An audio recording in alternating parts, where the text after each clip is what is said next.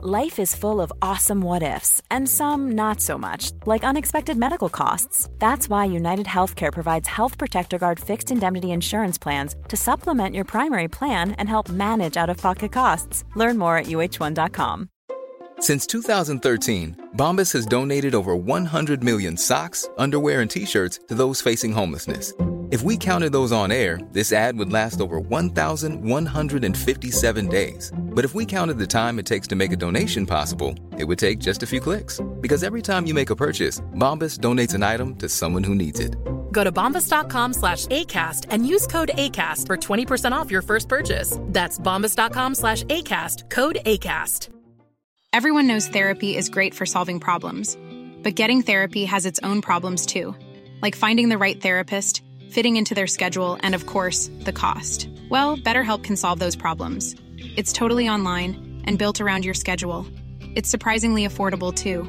Connect with a credentialed therapist by phone, video, or online chat, all from the comfort of your home. Visit betterhelp.com to learn more and save 10% on your first month. That's BetterHelp H E L P.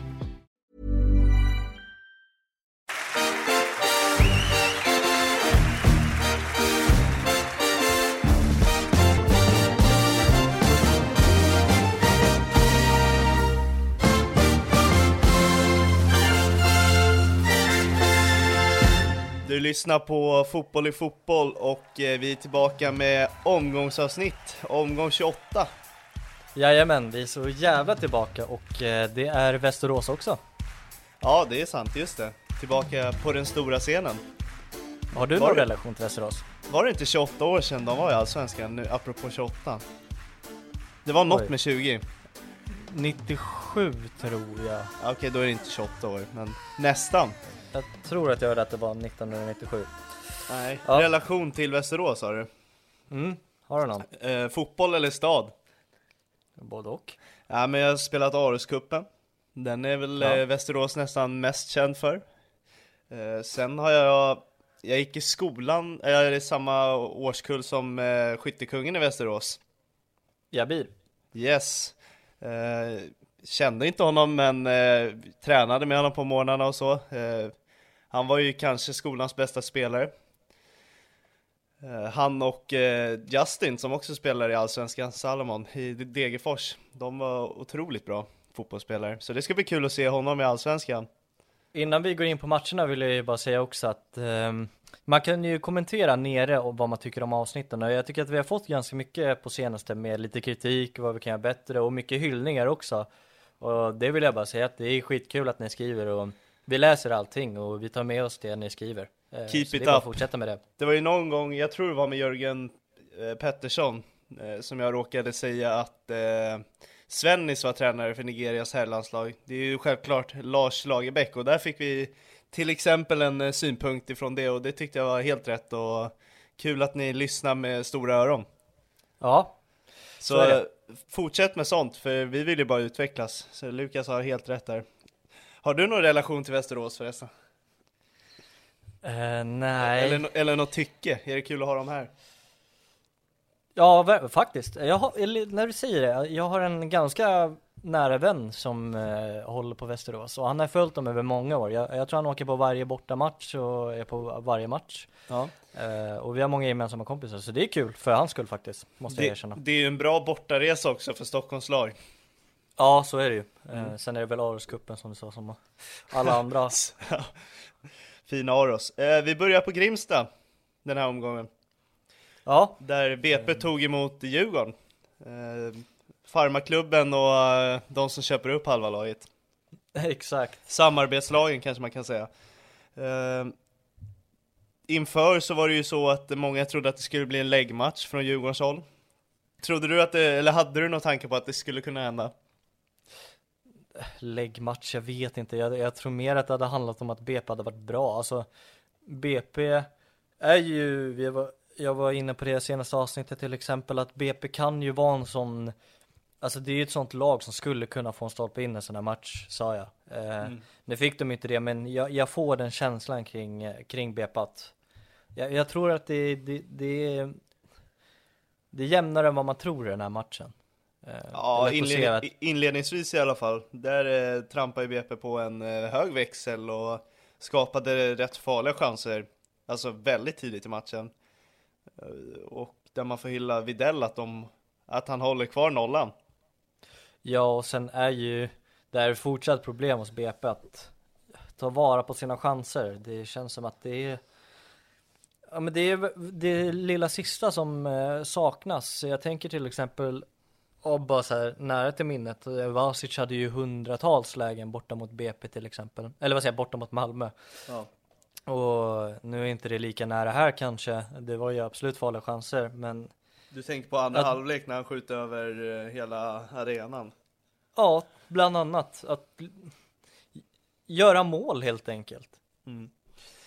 Eh, efter den eh, tuffa starten av BP så tar ju Djurgården över matchen totalt tycker jag. Styr och ja, ställer. Och visar att man är storlekar större. Och BP-produkten Lukas Bergvall gör 1-0 framspelad av en annan BP-produkt, Oskar Fallenius. Eh, som gör en jättematch för övrigt, Oskar. Kanonmatch. Ja, nu börjar ju poängen rulla in också. Det är väl det som har varit eh, snackisen kring honom, att han har ju Många säger att han har något. Eh, att han är en bra fotbollsspelare, men poängskörden har väl varit lite för svag. Mm jag, jag, tror att det är något som kommer komma med tiden i Djurgården. Eh, för oh, en spelare som är duktig och inte gör poäng, men fortfarande gör det här jobbet. Eh, han jobbar nog nästan mest av alla varje match eh, och eh, har man den grunden plus den tekniken och spelförståelsen han har så kommer det ramla in poäng. Det, det, är jag inte rädd över. Eh, så nej, men jag tycker han gör en fantastisk match och eh, han är en av eh, tre byggstenar i det här laget och jag tänkte komma in på det. Lukas Bergvall är väl den andra och Samuel Dahl den tredje. Eh, alla de tre gör en kanonmatch och visar att de tre ska det byggas runt nästa säsong. Ja, jag håller med dig. Eh, Sen är det väl klart att kanske Danielsson är en byggsten också. Självklart. Men eh, ja, eh, inget firande från Bergvall. Nej, han skickade ett hjärta i alla fall. Undrar vem ja. det var till, om det var någon nära och kära på läktaren eller om det var till klubben BP. Jag vet inte. Nej, eh, Falenius firade ju lite hårdare där, hårdare där vid 2-0 målet. Ja, jag tror inte han har riktigt samma anknytning till BP som Bergvall har. Eh, man märker ju att Oskar trivs i Djurgården som förening och fansen älskar honom och han älskar dem verkar det som. Så han ville väl bevisa det genom att kyssa märket.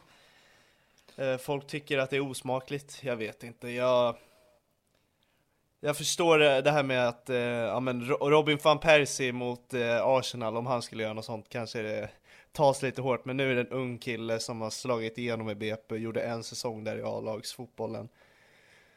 Så man kan ta det lite lugnt. Nej, det var väl lite känslorna som tog över där kan man väl misstänka. Ja, han har ju, det var ju Malmö-matchen också. Man såg ju bara hur hela kroppen bara togs ifrån honom typ. Nej, men vidare in på matchen så, alltså det, jag, jag, när jag satt och kollade så kändes det lite lunkigt efter det här ändå. Hur, uh, hur menar du med lunkigt? Vad, vad innebär det? Ja men det, alltså hela personen kring matchen kändes lite som att den var över där. Mm. Uh, men Dahl fort, alltså det, han är så jävla bra. Alltså han fortsätter verkligen visa i varenda moment hur bra han är. Och oavsett så som jag säger om han, eh, nu håller jag inte på något av de här lagen heller, så det kanske har en stor del till det, jag vet inte, men trots att det även liksom är 2-0, det känns över, att han fortsätter leverera, alltså vara så bra mm. och så nyttig. Eh, det, han är helt sinnessjuk. Jag, jag, tycker faktiskt att han är one of a kind eh, i svensk fotboll på vänsterback. Jag, jag har inte sett någon liknande spelstil. Eh, fantastiskt smart. Eh, han är ju väldigt liten, men tuff i kroppen. Eh, han löser sådana jävla trånga ytor och jag, jag har inte sett något liknande och jag, han har verkligen rubbat alla mina förväntningar. Jag hade knappt några på honom när han kom från Örebro. Eh, det är den bästa värvningen av Djurgården på tre år typ. Ja, och han är väl den absolut bästa från eh, sommar, eh, sommarfönstret också. Ja, men utan konkurrens. Jag skulle vara chockad, alltså så här, jag tror att han blir kvar nästa säsong, men jag är inte helt chockerad om han blir såld. Hur är tankegångarna kring eh, Musa? Är det Jag tänkte komma på det. eh, är det skeppa eller är det ge han förtroende nästa säsong? För tänk dig ett lag som är mer funger nu, nu fungerar ändå Djurgården, alltså, men eh, att ännu bättre lag, att han kan bli bättre då också. Förstår Jag, du? jag tycker så här om Mosa, nu, han har fått så himla mycket förtroende och chanser och han, han är bara osynlig, han gör inte dåligt, han gör inte bra. Ehm, jag skulle vilja se lite hårdare konkurrens på den positionen. Uh, Milleskog är en jätteduktig spelare. Är han en- blir ändå in- inbytt, eller utbytt i paus Ja, jag vet. Milleskog. Uh, Milleskog är en fantastisk spelare, fast inte en anfallare som är redo att vinna, slåss om skytteligan och jobba in ett SM-guld tillsammans med resten av laget. Jag skulle vilja se en eh, kortsiktig lösning på anfallet och ta in en liten äldre spelare som kanske har en, max två säsonger i sig eh, och bara skola in, skola in Mosa och Milleskog med, eh, på alltså lång tid då. Att man, alltså att man förflyttar Mosas roll mer till en Milleskog-roll om du förstår vad jag menar. Ja, exakt. Och Milleskog eh, varvas både på anfall och yttrar. Mm, mm. Så Eh, det, det ser du helst hända? Ja, eh, antingen att man köper en spelare som är för bra för allsvenskan, alltså han säljs efter en säsong i Djurgården. Då tänker jag kanske Abu Ali, han gör nog bara en säsong i ett Stockholmslag. Eller ett topplag i allsvenskan. Alltså det hade ju varit en hel supervärvning. Ja, alltså, det hade varit en kanonvärvning. Jag, jag, jag tror att den kan hända, om inte Sirius får allt för tunga bu- bud. Eller så skulle jag vilja se kanske Nyasha Meshekwi som maxar två år i kroppen och spelar allsvenskan. Ja, alltså gällande, nu ska jag inte fastna i Abu Ali men alltså han måste ju ha 20-30 miljoner bud på sig. Men vi vi kan ta det senare. Tror du det är så mycket? Jag, jag tror verkligen det alltså. Mhm. Jag, jag tycker att han är så fantastiskt bra kontrakt till 2027. Mm. Det är många år kvar. Ja. Men eh, ja, vi tar det senare. Men Mosa-frågan är lyft då. Ehm, eh, och sen gör ju Fallenius 2-0 som vi sa då. då. Eh, framspelad av Dahl på ett fantastiskt sätt. Eh, sen efter 2-0 får ju BP lite grepp i matchen. Antingen är det de som varvar upp eller så är det Djurgården som varvar ner. Eh, svårt att säga, men de gör ett försök och kastar in eh, Timossi Andersson, Vasic, Alexander Johansson. Eh, de, de går för det på något sätt, alltså försöka få in en boll och det, det får de till slut genom Vasic. Eh, jag vet inte om vi ska diskutera den situationen om Videll har sina händer på bollen. Såg ut att vara det va, men det, gjorde, det spelar inte så jävla mycket roll nu i efterhand. Det hade kunnat göra det, men det gjorde Ja. inte det. Så det blir inte lika stor snackis som det hade kunnat blivit. Jag tycker också att han har händerna på bollen. Eh, det enda tråkiga med det där är väl att eh, Djurgården tappar en nolla, som alltid är kul att Mm. få in i statistiken, och att jag hade Danielsson som kapten på fantasy. Så där var den omgången förstörd, men eh, Ja. Ja, de vinner med 2-1. BP får väl inte riktigt något jättetryck. Det är Vasic där som får ett läge i straffområdet och han skottar över rejält. ja, det gick ju över klubbhuset där till och med. Ja, Men jag har två frågor för dig eh, avslutningsvis på den här matchen. Och det är en fråga som är, vad tycker du om kommenteringen? För att jag satt och eh, kollade på Tottenham mot, vilka fan var det de mötte? Crystal Palace. Då var det mycket så här, eh, men typ Romero gjorde någonting, så var det så här, ja men är det en eh, Romero Juliet story? Och sen nu idag så är det eller idag, men i den här matchen så var det också typ så här, den där läste Danielsson i, i gårdagens tidning mitt på Vällingby centrum. Alltså, vad, vad, vad tycker du om den typen av kommentering när man använder lite mera humor och ja men så här bara helt ur kontext grejer egentligen, när de försöker vara lite finurliga. Det, det kanske är för att fylla tom, tomrum då, då om inte expertkommentatorn viker in och Dahlqvist kanske kände att eh, här behöver vi fylla i med någonting. Eh, sen tror jag det också jag har med vilken typ av match det är. Jag tror inte man skulle slänga in sådana eh, citat i ja, men ett derby eller en Malmö-match eller mot Häcken. Eh, det kanske är lättare att göra mot ett mindre lag, jag vet inte. Alltså, Ja. Ibland kan det vara jäkligt roligt att få in lite humor i det hela. Eh, Det är Jonas Dahlqvist fantastisk på.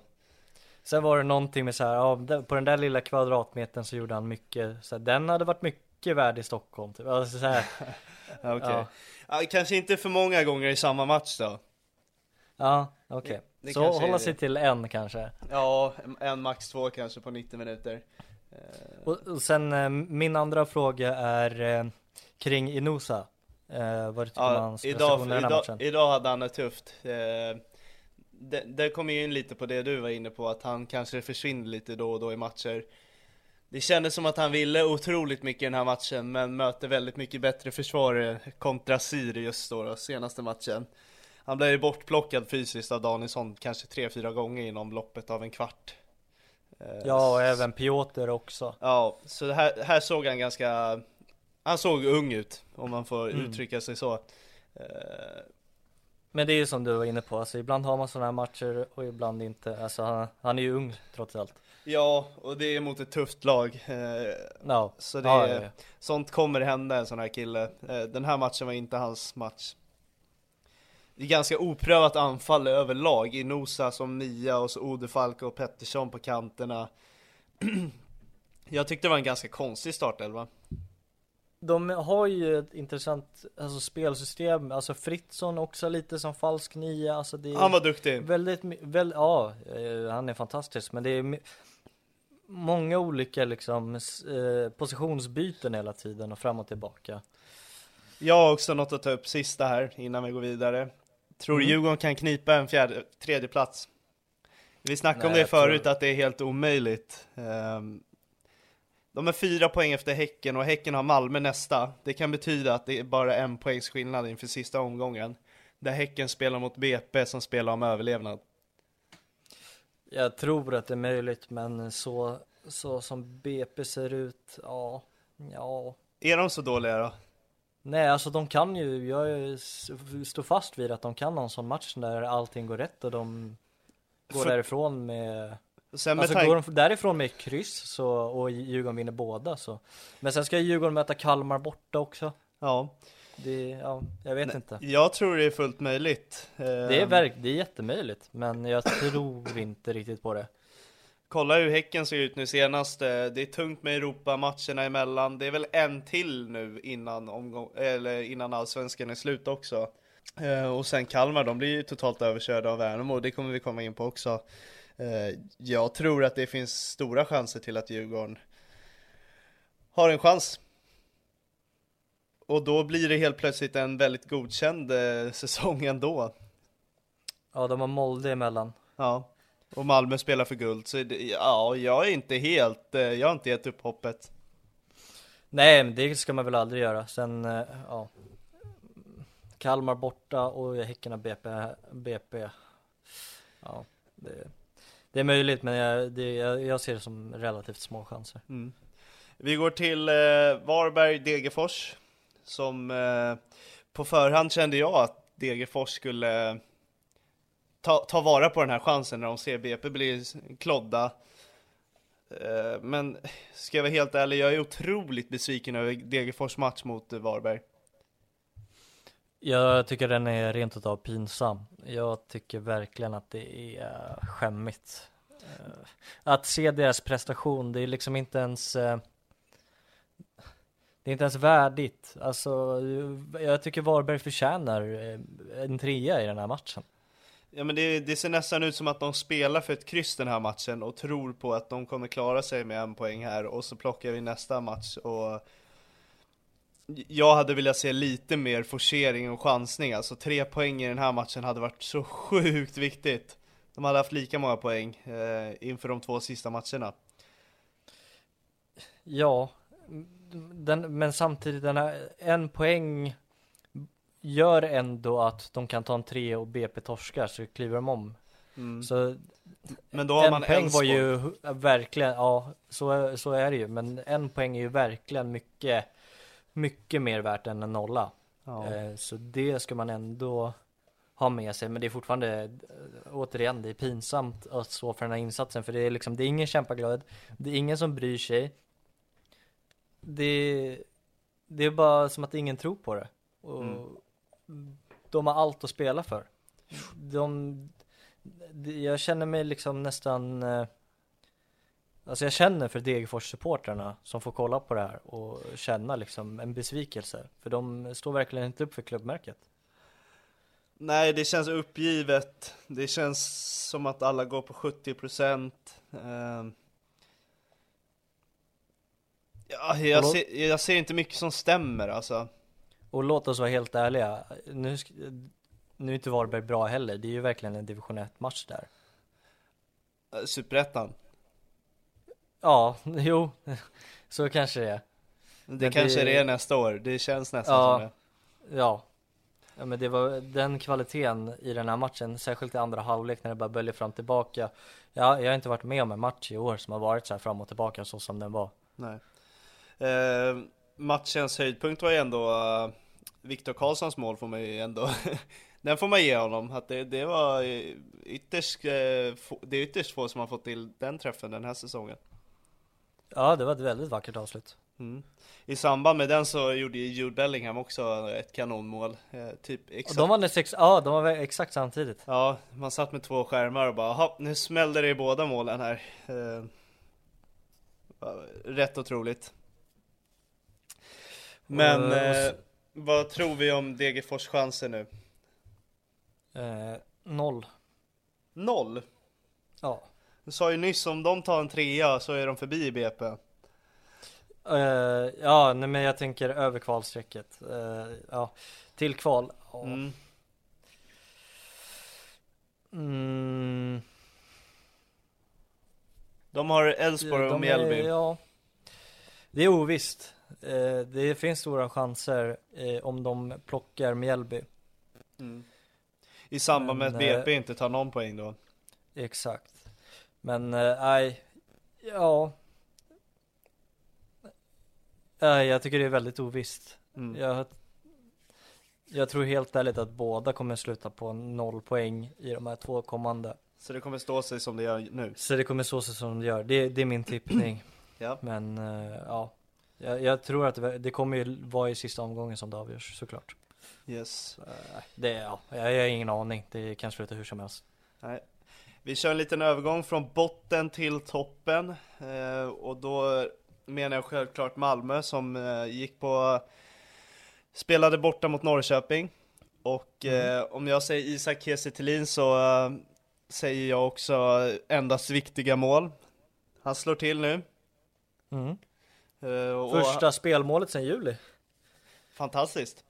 mm. Och eh, han leder fortfarande skytteligan. Ja, smått overkligt alltså Både det och eh, mest avgörande mål i hela serien så eh, han går plus på den här omgången. Ja, och så här om Malmö vinner guld nu Då, alltså förstår du skillnaden om, om de vinner guld eller inte nu gentemot hur man ser på hans säsong? För då blir han på något sätt ändå en guldhjälte Ja, ja, självklart. Det, det ska han ha. Men han har ändå varit relativt, alltså han har ändå varit re relativt dålig i många matcher I, I många ögon Så så, det- har han underpresterat. Eh, jag, jag vet att många vill att han ska bänkas eh, och, och så. Eh, ja, det är en jäkligt svår fråga för han är ju bara en målskytt. Jag, jag vet inte riktigt mer vad man kräver av honom. Eh, alltså 14 mål är ju en det är en bra säsong, men det, är, det, är, det som gör det så svårt är de här svackorna och långa avstånden mellan målen. Och att det är just så här de matcherna där han ska vara avgörande är han inte avgörande i. Eh, eh, om du, alltså nu tänker jag till exempel på Häcken borta. Eh, Men det kan ju inte stämma liksom heller för att han har sju avgörande mål. för som du säger, det är fort, det är lite sjukt för att han fortfarande har så många avgörande mål.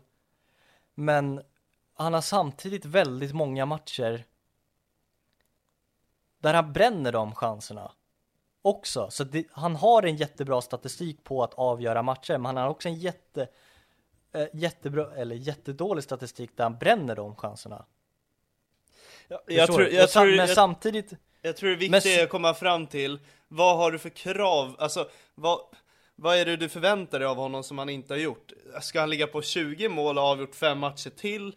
Eller har vi ribban på att han är inte så jävla bra fotbollsspelare att han ska vinna skytteligan och avgöra typ varannan match?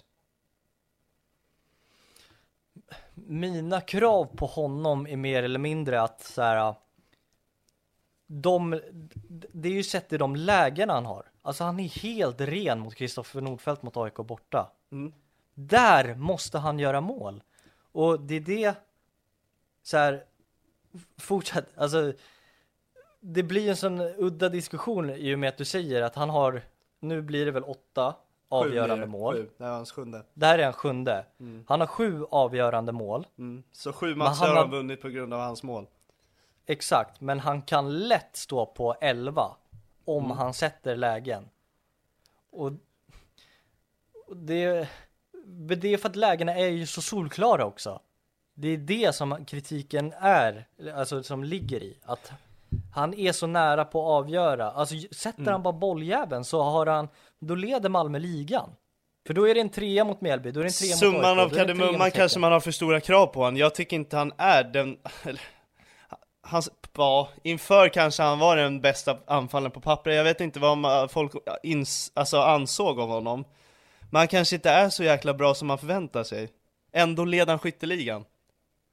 Ja, så det är en sån jävla märklig diskussion. Det är det jag vill få fram. Så han leder skytteligan, men samtidigt har han inte gjort ett spelmål sedan juli. Mm. Eh, han har avgjort mest matcher i hela allsvenskan förmodligen. Mm. Nej, det har han. Men han har samtidigt sumpat oerhört många lägen där han kan avgöra matcherna också. Ja, man skulle vilja se på hur många avgörande sumpningar alla har. Eh, Jag vet inte hur högt han ligger där. På dig låter det som att han är väldigt högt. Ja, jo, så det, men han det är har, kanske där han, man landar, att han har blandat sig helt otroligt mycket. Det blir intressant också att se vad eh, Rydström gör åt den positionen nästa år. Om han fortsätter ge Kiese Thelin alltså han verkar ju gilla Kiese Thelin otroligt mycket. Han verkar, vill, han verkar få ut det han kräver av honom, för annars skulle inte han vara på plan. Jag tror inte Henrik Rydström är rädd för att byta. Så de kraven han har på Kiese Thelin, de uppfyller han uppenbarligen. Ja, och sen är det så här att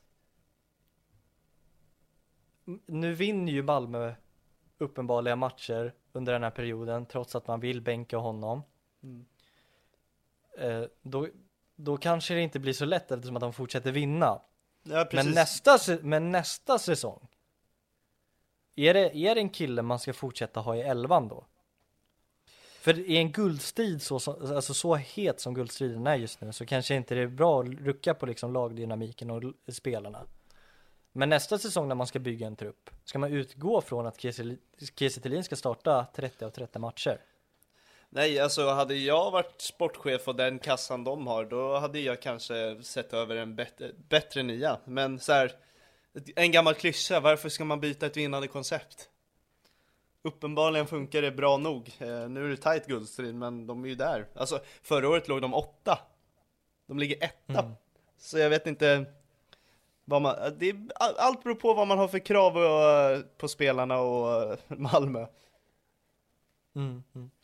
Nej men någon som fortsätter att leverera är ju Sergio Peña. Alltså han är så jävla bra.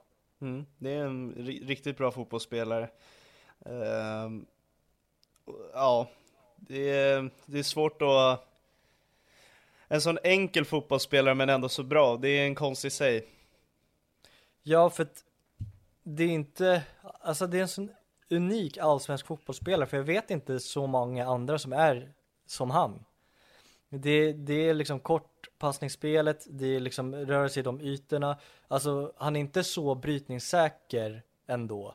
Alltså det är inte den där destruktiva sexan, alltså det är verkligen den där riktiga spelfördelaren och det är så häftigt att kolla på i allsvenskan för jag, jag tror när jag tänker på det så är det inte så många, du har ju visst många bra uppspelningsfötter eh, och så.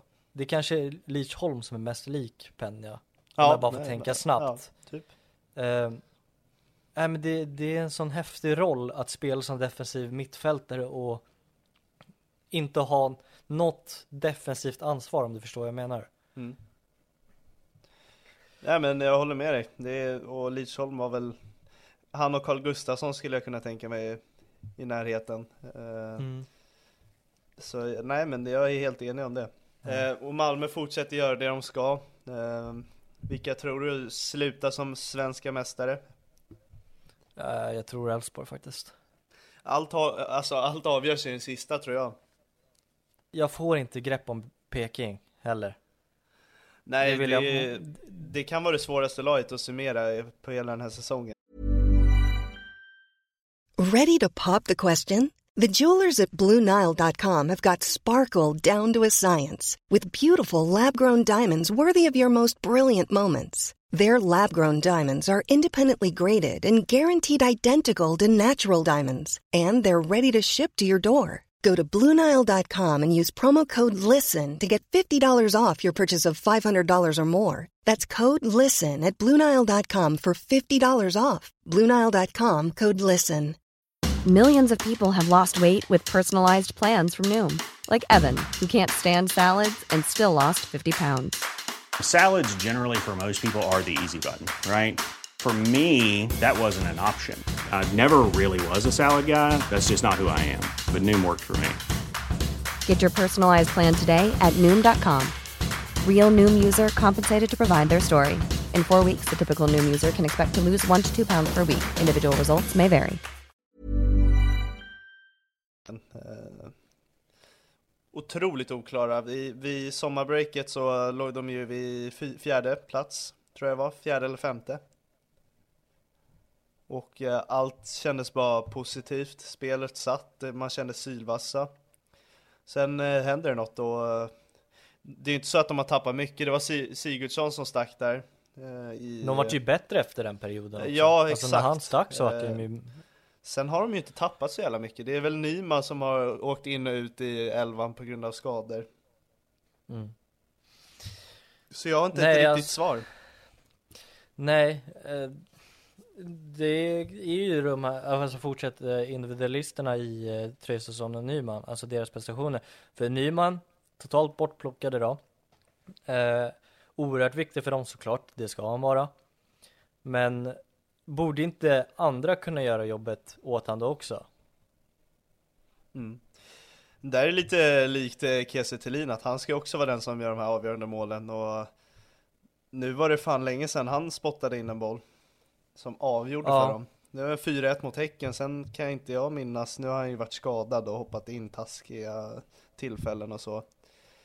Eh, Men innan det gick han ju inte heller och gjorde så jävla mycket mål där och avgjorde.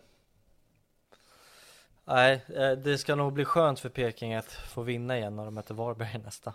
Om jag får anta. Ja, jag är fan inte säker på det alltså. Sen, Varberg eh, eh, avslutar med flaggan i topp. Ja, och så vinner de mot Göteborg i sista. Exakt, dra ner dem på kval. Så får vi se utsikten i Göteborg ändå alltså. Klass. Mm. Nej men, eh, Nej men det, det, det är med, alltså Malmö är ju verkligen bättre. Peking håller ju inte så mycket boll i den här matchen. Eh, Nej. Det är ju Malmö som styr och ställer och de är ju, de är bättre. Men samtidigt Peking behöver inte hålla i boll eh, speciellt mycket. Det, de kanske förväntar sig det också, men man vill ju ha en lite jämnare match. Och ja. ska man vinna sin match, alltså Victor Lind måste avgöra i sitt friläge. Eh, Johan Dahlin gör ju också en fantastisk räddning på Daniel Aids eh, avståndsskott där. Mm. Eh, Och han gör ju, alltså han är ju bra. Alltså så är det ju. Och han Mm. gör sin 400 match för, eh, för klubben. Ja, vi kan köra lite silly alltså med Malmö. Friedrich ryktas ju dit, eh, Kalmar-målvakten som har spelat med både Rydström, Oliver Berg och Nanasi och halva Malmö nu för tiden. Eh, Det som är så konstigt är att det är i samma veva man förlänger Johan Dahlin. Mm. Vad Alltså, tror du? Jag tror inte att Friedrich hamnar i Malmö. Jag kan nog se han i Djurgården mer. Mm. Ja, Eh, jag tycker Johan Dahlin känns för trygg han är fortfarande för för bra. säker. Ja, Alldeles för exakt. stort namn Alltså, för bänka. Ska, ska du, är det verkligen värt att eh, plocka in Friedrich för att bänka mot Johan Dahlin? Nej, Nej, nej, nej, nej. jag tycker inte det. Det blir en intressant saga att följa och eh, nu när vi ändå är på Friedrich så går vi över till Kalmar-Värnamo. Mm. Där eh, Friedrich eh, spelar lite huvudroll och drar på sin straff i andra minuten. Ja, det här är ju det stora liksom eh, farhågor med honom. Mm. Ibland faller det rätt ut, ibland kan han ju stoppa en kontring och ibland så alltså, går det väl ut men här gör ju inte det och då tvekar ju inte Selkovic på att spotta in den där. Nej, i den formen han är i. Men eh, Friedrich, det är ju en taskig situation han sett sig i. Eh, det är ju antingen att han får bort bollen på något sätt eller så blir det straff. Alltså det är, det är verkligen en 50-50 duell det där. Eh, Ja, den är- kommer ju alldeles för enkelt in i straffområdet helt ostört. Eh, så ja. Det är en svår situation som målvakt. Ja, och Värnamo går verkligen för att vinna höstallsvenskan här. Det Ja. är fan mig helt sinnessjukt hur bra de är. Alltså vi har ju hyllat eh, Henrik Jensen hur mycket som helst. Det känns som att de vinner nästan varenda match också. Men ändå går Värnamo och dominerar på det här sättet. Ja, och eh, de går verkligen för den här femteplatsen, särskilt när man slår eh, Kalmar eh, på bortaplan. Ma- eh, Hammarby nästa, det är nästan lite så här, den som vinner den kommer ta den här femteplatsen. Ja, jag fortsätter säga att Värnamo kommer garanterat vinna den här matchen. Alltså jag kan garantera det, för att Hammarby har aldrig vunnit mot dem. Och ska de göra det nu i den här formen på bortaplan, det finns inte en chans. Nej, Nej det jag, jag har slut på ord för att hylla Värnamo. Eh, det är deras Ja, andra det- säsong och de går och tar en femteplats på det här sättet. Dels, alltså det på det finns så många grejer som gör dem bra, alltså utöver liksom tränarfrågan och spelarnas maxprestationer och så här, så är det ju att de är i ett läge där de är så in i ett helvetes taggade på att bara avsluta med alltså vinster nu. Men de har ingen press heller, alltså de behöver ju egentligen inte vinna de här matcherna. Alltså så att de kan ju liksom, en, alltså de har ju bara en jävla taggning. Det är ju det det handlar om. Eh, för ett, till exempel eh, lag som går och vinner, alltså typ Malmö liksom. De har ju en taggning för de måste gå mot guldet. Det känns som att Värnamo har samma taggning men de behöver inte ha den. Och det blir ju som Samtidigt som man har den taggningen och är lugna så blir det en jävla farlig kombo. Att spela liksom utan den här stenen på axlarna. Mm. Så det, de går ju bara ut och gasar. Hampus Näström, alltså han hade ju inte varit bra i något allsvenskt lag förutom Värnamo. Nej, det snackade vi om förra. Eh, kul att han gör mål också då, bara för det. Mm. Eh, hur säker var du på att Selkovic skulle, skulle ta straffen? Jag tänker Gustav Engvall måste ju ändå vara nästan först till kvarn på den där. Jag hoppades på Oskar Johansson om jag ska vara ärlig. Ja, det förstår jag. Eh, ur, ur ett fantasyperspektiv. Men sen har Det man ju med. två, två målskyttar som Selkovic och Engvall. Det måste nästan vara lite bråk där om eh, straffen alltså. Ja, det känns som att den är mer viktig för Selkovic. För att Engvall är en så pass bevisad bra fotbollsspelare. Håller med dig. Eh, Min, min stora fråga här kring Värnamo. Mm. Hur många är kvar i Värnamo? Alltså vi- vilka lämnar Värnamo efter den här säsongen? Väldigt svårt att säga. Väldigt svårt. Jag tror att någon som Grostanisic är borta. Mm. Eh, Jag tror att Viktor Eriksson kan vara borta. Oskar Johansson. Så, sen, jag vet inte, Engvall, Selkovic, ja, möjligt. Ja, Engvall är en sån som är ganska attraktiv för, för, för utlandet, för han har ju varit där förut och det vet klubbar om och han har varit den här uh, unga talangen som faktiskt har lagt på sig otroligt mycket fotbollskunskaper. Så han tror jag är ganska attraktiv på uh, marknaden och uh, att Värnamo faktiskt kan casha in lite där. Ja, sen vill man ju inte tappa allt för många. Nej, det är det som är farligt med att göra en Alltså de, alltså de som är mest garanterade att lämna är ju Viktor Eriksson och Oskar Johansson med tanke på deras kontrakt. Mm. Sen måste, sen måste ju Kim Hellberg lämna. Alltså, Jag tänkte nämna honom, av alla namn så tror jag att Kim Hellberg är mest eh, störst eh, förlust för hela Värnamo. mm, och, Och- Det ska bli jäkligt spännande att se hur de klistrar och lappar till de hålen. ja, man har väl alltid lite enes med tanke på de senaste åren här. Verkligen. Men eh, jag såg att eh, QPR sparkar sin tränare. Tänker du Kim Hellberg då, eller Marti? Jag tänker eh, Marti som ryktade dit förra säsongen. Ja, ja men precis. Eller, eller så Ja. går de för Kim Hellberg. Eller så gör de det. Ja. De verkar ha ögonen på allsvenskan. Nej men eh, all hyllning man kan bara dela ut, det går till både Kalmar och, men framförallt Värnamo. Alltså vilken jävla säsong. Mm. Eh, Jag tycker vi involverar fråg eh, tittarna lite mer också. Eh, Vi hade en ganska het diskussion om Kiese Thelin. Jag tycker vi kommer tillbaka till den och säger Tycker ni att Kiese Thelin ska vara Malmös nia nästa säsong? Ska man satsa på en ny eller ska man fortsätta på det vinnande konceptet? Eller vad säger du? Ja, bra fråga. Jag, jag tycker Oliver Berg ska ta över den platsen. Jag, eh, jag tycker det framgick för mycket att du var mot Kiese Thelin- och jag med. Eh, Jag håller med dig om allt du har sagt, men enligt siffror så är han inte dålig i år. Men jag tycker också man ska gå för en ny nia. Mm. Eh, Ja, det blir intressant att se vad lyssnarna tycker. ja. Det är vad vi tycker i alla fall. Eh, Mjällby-Häcken? Mjällby-Häcken. Eh, häcken är slut i kroppen alltså. Ja, alltså 5-1 torsk i ryggen borta mot Molde, Molde för att sen bara bänka Simon Gustafsson och eh, Osu Mm.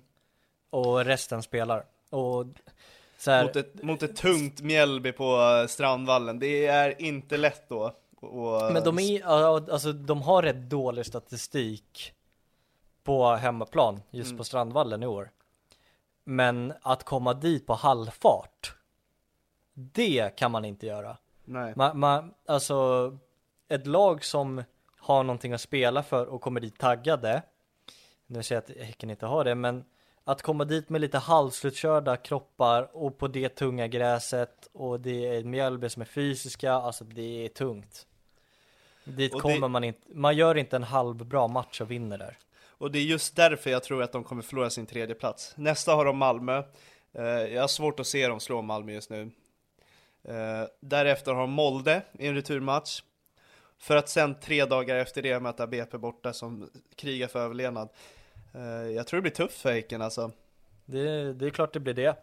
Får se hur det slutar för dem. Jag, vet inte om det är så att de kanske satsar helt fullt ut på att ta ut uh, lite, alltså rotera spelare i Molde-matchen. Jag tänker om det står 2-0 Molde, byt ut ett par viktiga spelare i halvtid för att vila dem inte i BP-matchen och sen du, gasa du menar den. ge upp Europa då? då? Ja, med tanke på Eh. att det är, det är för tuff grupp. Eh, nu med Molde-torsken här borta till exempel. Ja men alltså skulle de förlora mot Molde nu, då är den där tredje platsen som innebär Conference League nästan körd. Då kanske det är mer värt att sikta långsiktigt att garantera en Europaplats för nästa år. Man Mm. kanske säger, okej vi gjorde det inte bra, vi får ta en ny chans nästa år. Det är inte värt att gå all in för den här matchen. Mm. För att sum, alltså för att riskera att sumpa en Europaplats nästa år. Skulle det inte vara intressant att ringa en röst i Häcken och kolla kring den här situationen? Eh, jag skulle vilja ringa typ Martin Eriksson och kolla vad han tänker, om vi lyfter upp just det scenariot. Det skulle vi kunna göra. Ja. Eh, för det... Alltså så här, Hä- Häcken, de ligger sex poäng bakom Karabag på, på andra plats. mm, eh, Häcken har minus nio målskillnad också. Mm. Jag tror att det kan vara så att de eh, väljer att offra den här, eh, den här gruppspelet för att säkra till nästa år. Alltså de måste ju vinna mot Molde hemma för att de ska kriga om den här konferensplatsen. Och nästa match är Bayern Leverkusen därefter. Så det... Det är om de slår Molde, då har de en chans. Eh, kanske sista matchen där mot Karabag och knippa den här Conference League-slutspelsplatsen. Eh, jag menar, jag tänker om de slår Molde, då har de tre poäng. Molde ligger på tre poäng just nu. Då kanske de går vidare på sex poäng, fyra. Så det finns en jättegod chans ändå. Alltså, förutsatt att man slår Molde. Ja, men det är inbördes möten så de behöver ju vinna med eh, 5-0. Mm, ja men om, om, om, de slår eh, Molde, då står båda på tre poäng. Sen har Molde Bayern Leverkusen och Häcken möter Karabag. Jag tänker, tar man fyra poäng då och Molde står kvar på sina tre, då är man ju klara. Mm. Men det är Ja, det är jättetufft. väldigt knepigt. Ja, det är ett knepigt Men det är just därför jag vill höra Martin Eriksson, vad, vad han Ja, tänker. ja, ja, men det kan vi nog säkert fixa. Men eh, sen är ju Högmo också en sån, alltså uppenbarligen med den här matchen nu med, eh, mot Melby att han, han kör ju det bästa laget och det, Mm. det har han ju gjort mer eller mindre under hela den här Europasessionen. Han spelar de bästa spelarna Oavsett om de har spelat match tre dagar tidigare. Ja. Så det kommer att fortsätta så. Ja, det är jäkla synd för Häckens del att de sitter på så jäkla mycket skador just nu. Ja, och sen nu mot Malmö borta så saknar de Rygaard och Amane för, eh, på grund av avstängningar. Och fy fan, det visste jag inte om. Eh, det blir tufft. Det blir väldigt tufft. Eh, Jakob Bergström vaknar från de döda. Eh, ett Ja. plus ett. Han gick ut och sa att han gör allt han kan för att hjälpa Djurgården ta Europaplats. Eh, det är kul att han vill bidra för någonting för, för dem. Ja, hitta en liten gnista motivation Ja. i en sån här Eh, match. En som bevisade, både du och jag var lite inne på att Noah Eile har haft lite snedsteg hela den här allsvenska sessionen. Eh, Nu gör han en av sina bättre matcher. rättare sagt. Ja, Ja, alltså ja, både ja och nej. Ja, men det gör han väl. Stabilt bakåt. Eh, Sen sam samtidigt gör han väl, blir han väl lite färgad av målet. eh, Ja, och samtidigt assist. Som en, ja, så han blir väl lite färgad av det, men jo, alltså det är ett steg upp. en av sina bättre och- matcher är det. Verkligen, det, det är det ju. Eh, och det är en sån spelare som är väldigt märklig för att man vet inte riktigt vilken nivå han håller. För att han har i omgångar varit otroligt bra för Mjällby. Att så här, Malmö, varför, varför har han inte han? Varför startar han inte han? Men eh, så som han har spelat under en längre period så, så har han ju varit så här, ja han håller ju typ Mjällbyklass och för att sen göra en, ja men, men en bra insats så som du säger nu och liksom känna återigen så här, ja men han kanske blir något för Malmö i framtiden. Så han är väldigt svår att pinpointa hur bra han faktiskt är. Mm. Förra säsongen var det ju så att man tänkte, varför behåller inte Malmö honom? Varför lånar man ut honom återigen? Men man får lite, som du säger, på kvitto att han är nog inte tillräckligt bra än. Det är väl den eh, bedömningen Malmö har gjort och får väl ändå säga att det, är rätt. Sen är det ju väldigt svår konkurrens, men jag tänker också så här. Håller han Kalmar-nivå? Håller han eh, ja, men, lite högre än så? Håller han Mjällby-nivå? Men alltså man, man har ingen aning riktigt. Nej. Det är jättesvårt att sätta ut exakt vad som är bra för han.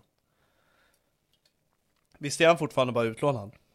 Ja, Mm. Det ska bli intressant att se vad de gör nästa säsong med honom då. Eh, Jag är ett stort fan av att låna ut spelare som inte riktigt tar plats. Eh, Speltid är ju A, A och O. Någon som inte borde ha speltid i våra tycke är Anton Saletros som spelar eh, halvskadad mot Halmstad. Ja, alltså både ja och nej. Så ja, Alltså, Alltså, han är ju, han- han är ju knäskadad och är deras bästa spelare den här matchen. ja, det är det som är så he- helt sinnessjukt med honom att och det var det jag menade förra veckan med att det positiva var att det inte var hans vänstra fot för att den kan vara så avgörande. Alltså tänk dig ett läge här i slutet mot Halmstad innan vi går in på matchen men tänk det är en 93 det blir en frispark precis utanför eh, straffområdet och han tar den och sätter den. Då har det helt plötsligt blivit värt att han har spelat. Eh, Det är bara att hoppas på att det inte blir någon backlash, att det, blir, eh, att det river upp den här skadan ännu mer och han blir borta i sex månader helt plötsligt. Eh, Det är bara att hålla tummarna att han inte eh, på riktigt går sönder. Ja, men han visar ju vilket jävla hjärta han har för den här klubben om han kan spela när, Ja. trots att han är så skadad. För uppenbarligen, man ser det på honom att han, han mår inte helt hundra i knät. Mm. Han spelar ju bara på vilja här nu. Och jag tycker det också är någonting man, eh, man läser av eh, efter hans kommentarer eh, eh, efter matchen. Att Mm. ha- han gjorde det här egentligen bara för att han vill inte för att han kan, eller ja. Alltså, Ja, men- han har inte, det, alltså han går bara på vilja i den här matchen. Mm. Nej men han uttryckte ju sig i halvlek att, eh, nej men om skadan att vi, vi kör, vi kör. Alltså för, för mig är det ganska glasklart då att fan det är inte 100%. Nej, och så här, ja, det, det är en sån jävla risk att spela han alltså. Mm.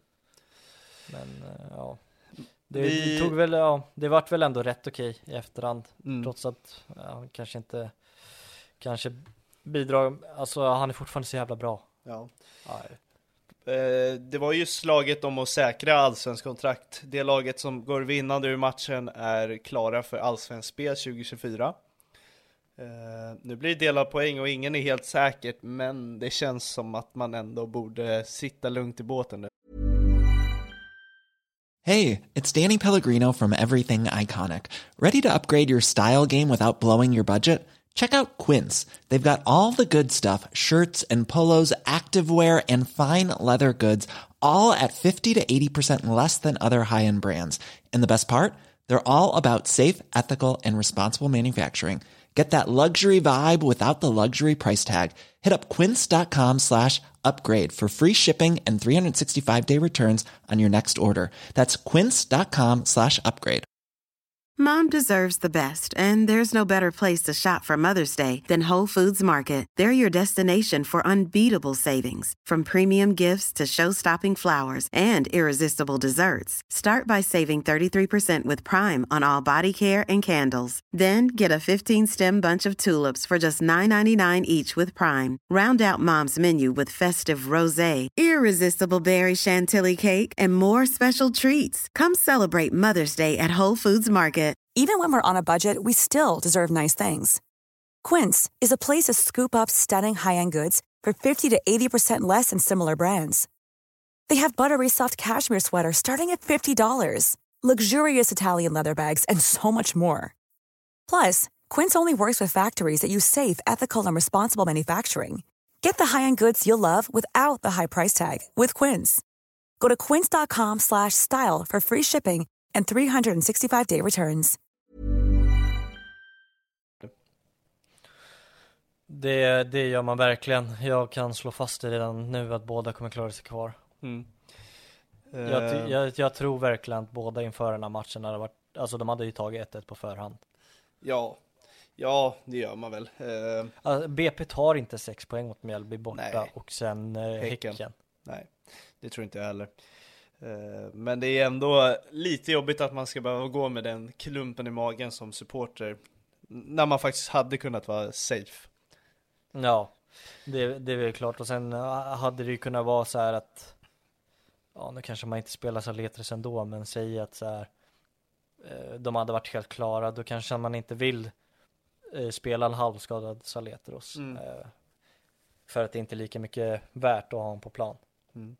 Matchen då, då. Jag tycker första halvlek, ett Halmstad som följer sin spelplan och gör det otroligt bra.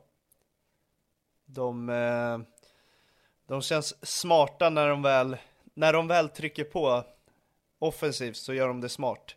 Eh, framförallt Josef Baffo som slår två eller tre stycken fantastiska passningar genom två lagdelar. Han spelar bort både mittfältet och anfallet i AIK. Eh, otroliga passningsfötter.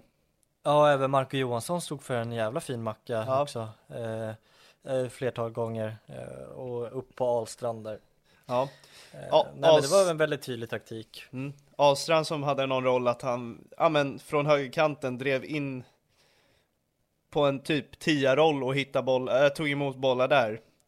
Eh, det gör han fantastiskt bra tills han får bollen på fötterna, för där tycker jag att han eh, sjabblar lite för mycket. Eh, det är en Ja, spe- när han väl kommer till sista tredjedelen där så Ja. var det väldigt slarvigt den här matchen. Två för många touch ibland, eh, släpper bollen för sent, slår lite halv eh, s- 75-procentiga passningar. Eh, fanns det där lilla extra gnistan då kanske man hade skapat farligare chanser. Ja, man vet att han har det i sig också, så det är så frustrerande att kolla på också. Det är liksom en tvåfotare som är lite halv nonchalant sådär. Det är just den här utstrålningen som saknades kring honom och Mm. självförtroende skärpa som du säger. Japp. Men eh, Halmstad lyckas få en fast situation. Och eh, Allansson slår den. Jag var lite skeptisk. Jag tycker Alamari har bättre fötter och var lite fundersam till eh, varför slår inte han fasta. Men eh, Allansson slår mig på händerna och slår en perfekt hörna till Granat som får göra mål. Precis som Kiese. Senast var det typ i somras. Mm. Helt ostörd. Ja, det är helt otroligt ensam han. Ja, och då är det bara att nicka in den där. Alltså att inte ens gå in och störa. Jag vet inte riktigt vad som har hänt med, med, med Milosevic de här senaste, alltså året egentligen. Eh, En så självklar back eh, för att sen gå och bli så osäker och liksom slarvig. Alltså det är en juniormisstag från en så rutinerad och erfaren fotbollsspelare. Ja. Jag förstår inte. Och sen att Nordfeldt inte lämnar linjen heller riktigt. Alltså han kan ta två kliv ut och boxa bort den där också nästan. I alla fall vara uppe och störa också. Det kändes som att det var det ett tema många... i den här matchen att han stod eh, kvar på linjen väldigt mycket. Och mm. det känns som att det är något man har kommit överens om i AIK-håll. Just den här matchen var han verkligen fast på linjen. Mm. Ja men det fanns så många olika spelare som kunde vara där och störa och göra skillnad eh, i den, på den hörnan liksom. Mm. Men nej, det är dåligt och då går man in med ett 0-1 underläge i paus och då då är det tungt. Ja, det, det kändes inte alls bra för AIKs del, tycker jag. De eh, spelade ändå relativt okej i första halvlek. Ja, okej Det är väl det man får ta med sig, men man, man var tvungen att utveckla det lite och det tror mm. jag att Berntsen var tydlig med. att Fortsätt med att slå över diagonalerna här mot ja, Hen Henning Berg. Henning Berg menar jag. Ja. Mot ja, Björnström. Bra att du nämner honom, för jag tycker han är en av få som faktiskt eh, ja, men han, han gick framåt och ville ha boll och försökte. Jag tyckte han gjorde en godkänd första halvlek. Ja, och till skillnad från Modesto som har blivit helt osynlig så eh, hotar han ändå lite med sin vänsterfot från kanten. Mm. Mm. Nu kanske inte Modesto kanske har exakt den rollen, men eh, iskall match från Modesto måste jag säga. Ja, är det inte han som, nej det är Tyckosen som slår bollen som blir straff sen? Ja det är det. Eh, ja det är det. Är det en straff? Ja. Ja, det går ju diskussioner om att eh, ja, men den nuddar benet först och handen sen. Eh, det är ju en viss regel att ta den på en kroppsdel och sen armen, då kanske det inte är straff. Det är så jävla luddigt. Jag tycker också att det är en straff. Alltså han bromsar ett inlägg med handen. Eh, oavsett om den tar på magen först och armen sen så tycker jag Den skimmar ju, alltså den skimmar ju nästan bara på benet. Alltså ja, det är bara en liten exakt. touch. Det är liksom inte att den styrs åt helt annan riktning och sen på handen mm. utan att det den touchar ju bara lite lätt. Det är knappt. Mm. Vi kollade matchen tillsammans och när Pittas lägger upp bollen på straffpunkten, jag var nästan lite så här. Undrar om Marco Johansson tar den här? För inför, eller under matchens gång så sa vi att Marco Johansson har gjort en kanonmatch och eh, han ska hyllas alltså för det han har gjort för Halmstad sedan han kom. Eh, men sen händer det någon jäkligt konstig situation här. Eh, Pitta sätter straffen. Sen blir det här klassiska racet om att fånga bollen. Eh, självklart från AIKs håll vill man ju springa och lägga den på mittpunkten, eh, få igång spelet. Och ur Halmstads perspektiv vill man eh, hålla bollen, få ner tempot, andas lite, prata ihop sig. Men det blir så att Pittas hinner, hinner och fånga bollen först, springer iväg eh, och Marco Johansson stämplar honom helt plötsligt. Eh, ja, han slänger verkligen fram benet som en krok. Alltså ja. det, det är mer åt sparkhållet än vad det är fälla krokben också. Ja, men precis. Och det blir bara något helt snett för honom, för sen Ja men han skallar eh, Ayar, inte skallar men sätter panna mot panna på Ayar, han sätter pan panna mot panna mo, eh, med, eh, nu kommer jag inte ihåg vem den andra är, Modesto, var det det? Ja jag tror det, och sen är det någon brottning bland annat spelare, det är full kalabalik och det är fan pinsamt av Marco Johansson i det läget att dra på sig ett rött kort. I, ja. Eh, alltså en poäng som vi sa är så mycket mer värt här. Mm. Uh, ja, vet... alltså han utsätter ju hela sitt lag i en jäkla pissig situation. Ja, alltså det, det är ju dels brist på respekt för, för lagkamraterna liksom och försätta dem i den situationen men Ja, alltså det är ju bara, alltså det är bara, han är ju bara dum i huvudet. Helt ärligt, mm. han är en idiot i den här situationen. Alltså BP har bättre målskillnad än Halmstad också. Så låt säga att de förlorar den här matchen nu. Mm. Då är det en vinst och ett kryss. Säg att de vinner mot Mjällby bort, alltså förutsatt att Halmstad förlorar båda då. Mm. Så, så vinner BP en och kryssar en. Då är det, då är det Halmstad på nedflyttning. Mm. Och vä väldigt långdragen eh, slutsats men fortfarande. Det, de kan säkra sig här. Japp. Och han drar till med den. Ja, för nu förlorar ju Halmstad. Så här, de är ju tvungna att ta ut en spelare, de tar ut Granat. De förlorar en kille som har lyckats limma fast bollen rätt ofta den här matchen. Och med hjälp av det har de skapat chanser. Nu förlorar de ju hela sin offensiva kraft och måste bara ligga på defensiv och döda tid. Ja, sen håller de ju ut ganska bra i alla fall. Mm. Ja, de gör en Eh. stark defensiv eh, andra halvlek och Malte Paulsson som hoppar in, han eh, jag vet inte hur många minuter han spelade bort på varje inspark men eh, han gör ju det han är tillsagd förmodligen. Mm, jo, så är det ju.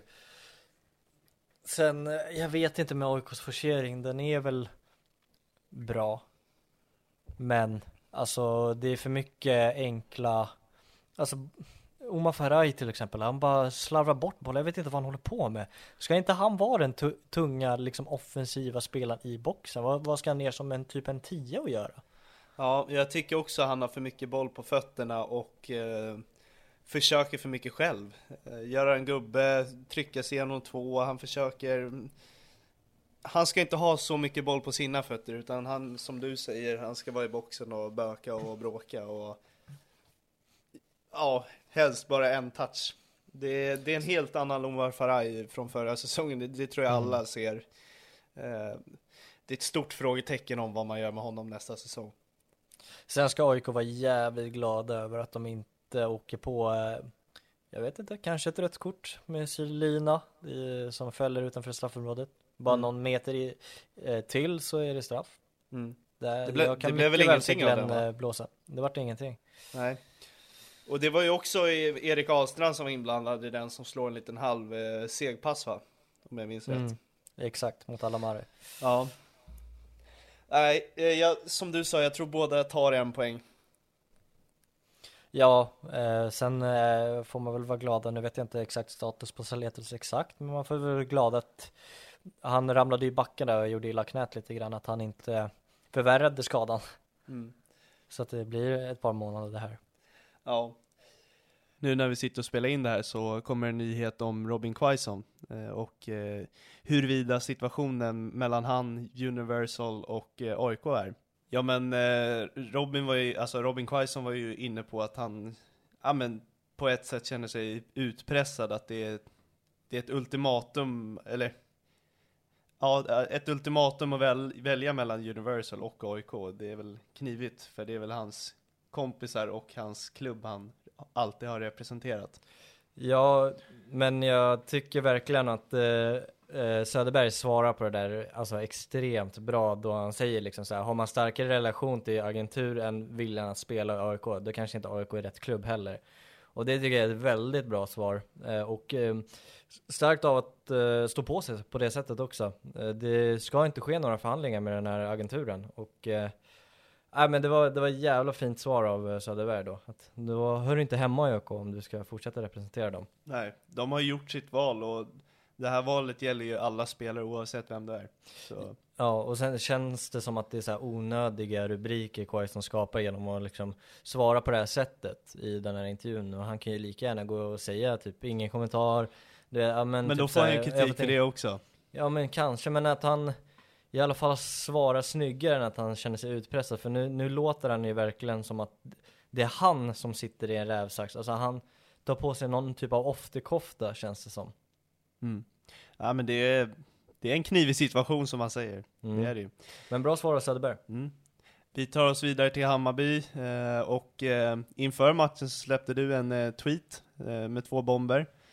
Eh, där ena var att Jennys Gill eh, skulle starta, gör sin första start. Och den andra var väl eh, kopplad till eh, Cifuentes och hans övergång. Ja, precis. Det är väl den stora snackisen trots matchen. Eh, eh, i- matchen blev ju väldigt, eh, det finns mycket att prata om i den också, men eh, det stora snackisen är ju Marti. Och jag fick en fråga i DM där han frågade vad det indikerade på. Ja, och det här var innan det var klart och då kände jag det och skrev det att så här, QPR, de sparkar sin tränare, han riktade dit förra året. Två, de behöver en tränare snabbt. Eh, och eh, ja, de behöver verkligen det på en gång nu. Tre, eh, så tror jag trots allt att de ändå är på något sätt imponerade av Martis säsong. Eh, och man tappar så många byggstenar. Han har bevisat sig förra säsongen att det är en bra tränare och det här med skiftet att kunna ta de här, alltså att kunna han hamnar med kniven mot strupen men får ändå fungera för det hade kunnat sluta mycket värre än vad det verkligen gjorde. Att han har en taktisk smarthet i det. Och sen tror jag att de också är imponerade utöver dubbelmötet kring äh, Twente, att man kan Oj oj, där hittar den in igen. Ja. som vanligt. ja. Men jag, jag tror att de är imponerade av den, att man ändå lyckades ta det till förlängning. Eh, så trots att det inte ser så bra ut i ligan, så tror jag ändå att man, eh, man uppskattar hans träningsgärning ändå. För att eh, summera tiden med Cifuentes, eh, vi har ju haft turen att få sitta med honom. Eh, otroligt klok människa, eh, verkligen inne i sin grej. Alltså han, allt han fokuserar på är sitt jobb, kändes det som. Eh, men jag ska vara ärlig och säga att jag trodde att när Hammarby hitta, nådde sitt tak där med Cifuentes, jag trodde att de skulle ta ytterligare steg. Eh, men det gick ju i samband med den här ombyggnationen, som du sa. Eh, så jag trodde att den, den här eh, resan tillsammans skulle sluta lite lyckligare, att man lyckades hitta någon trofé tillsammans eller eh, ja men lite bättre resultat. Eh, det är ju bara synd att det krockade så. Eh, och eh, QPR, bra destination. Eh, stort steg tycker jag ändå. Eh, ja, vi får se hur det går för honom där. Det blir jäkligt svårt, men eh, det blir ju en liten blandad känsla bland supportrar kring Cifuentes och Hammarby. Jag tror man främst känner uppskattning mm, trots hur eh, slutet blev här nu och att det kanske var dags. Jag tror att när man väl landar i det så är man, man är glad för de åren som har varit, eller de två säsongerna som har varit.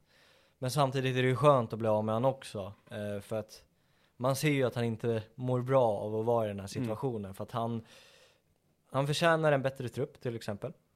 Eh, han har inte blivit lovad det han, eh, det han har fått lova till sig och eh, han har ett år kvar, eller en säsong kvar på sitt kontrakt och Ja men det kändes bara som ett rätt läge i, i och med som sagt den här ombinationen så kan det vara bra med en ny tränare också så det Ja, ja men det, ja och sen är det så här, det är en känslig berg och dalbana om jag får ta mitt supporternarrativ i en två minuter så på ett sätt är man ju skitledsen över det för att man, man har ju sällan mått så bra som man gjorde med honom under den våren när han kom. Till exempel Cifuentes Ramsan, Alkan, där han tog oss till cupfinal. Tyvärr förlorar man på straffar mot Malmö. Där, ja, därefter bärgar han en topp tre och han har varit en otroligt uppskattad tränare. Men eh, sen har det ju verkligen gått emot och man har liksom bara ut med honom. Alltså man har verkligen dalat upp och ner känslan kring honom. Eh, och sen, ja men man, när man fick det här beskedet om att han ska lämna så känner man så här. Jag kände bara, ja men nu kommer Kim Hellberg, fan vad bra det här kommer bli, nu börjar jag bli taggad igen. Sen kommer vi till matchen, 2-0, eh, bara unga i startelvan. Fortsätter må skitbra, bara fan vad häftigt det här, alltså det kommer bli så jävla nice till nästa säsong. Och så blir det liksom en käftsmäll, Marty får ett ganska dåligt avslut ändå. Eh, mycket sämre än vad man hoppades på. Och då är man nere på botten igen, så man pendlade verkligen mellan helvete och himmel hela tiden kring den här dagen. Eh, dels till matchen och till beslutet att han lämnar. Mm.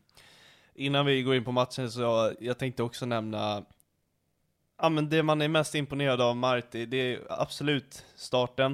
Eh, De, de här, jag vet inte hur många raka matcher de hade. Åtta tror jag. Åtta raka. Eh, där trodde man ju att, eh, att det inte fanns något tak, att det här kommer bara fortsätta. En cupfinal på det också. Ja. Eh, men det som absolut visar mig vilken kvalitet han har som tränare är, ja men nu det här året när de går i den tuffaste tiden, då släpper han sin stolthet, ändrar taktik, eh, formation, de eh, ja, men, lappar och klistrar igen allt som behövs och jag tycker det är imponerande att bara slå om till en fem, femback och på det sättet så det är en skicklig tränare, det bevisar han sig där. Jag tror inte det är jättemånga fler som hade kunnat löst så som han gjorde. Nej, jag nej. tycker man inte ska se ifrån det, för det, det var en jävla bra lösning. Nej, och sen eh, det, det slutar ju pannkaka. Det är det som är, det är det som är så jävla synd. Men det är ju bäst för alla parter också. Han får en bra destination, vilket jag uppskattar att han får, för jag gillar verkligen Marti. Hammarby har chans att hitta en ny tränare och få en, ännu en omstart. Eh, och man slipper, nu kanske man inte skulle ha sparkat honom men man, man slipper den här uh, Tråkiga avslutningen.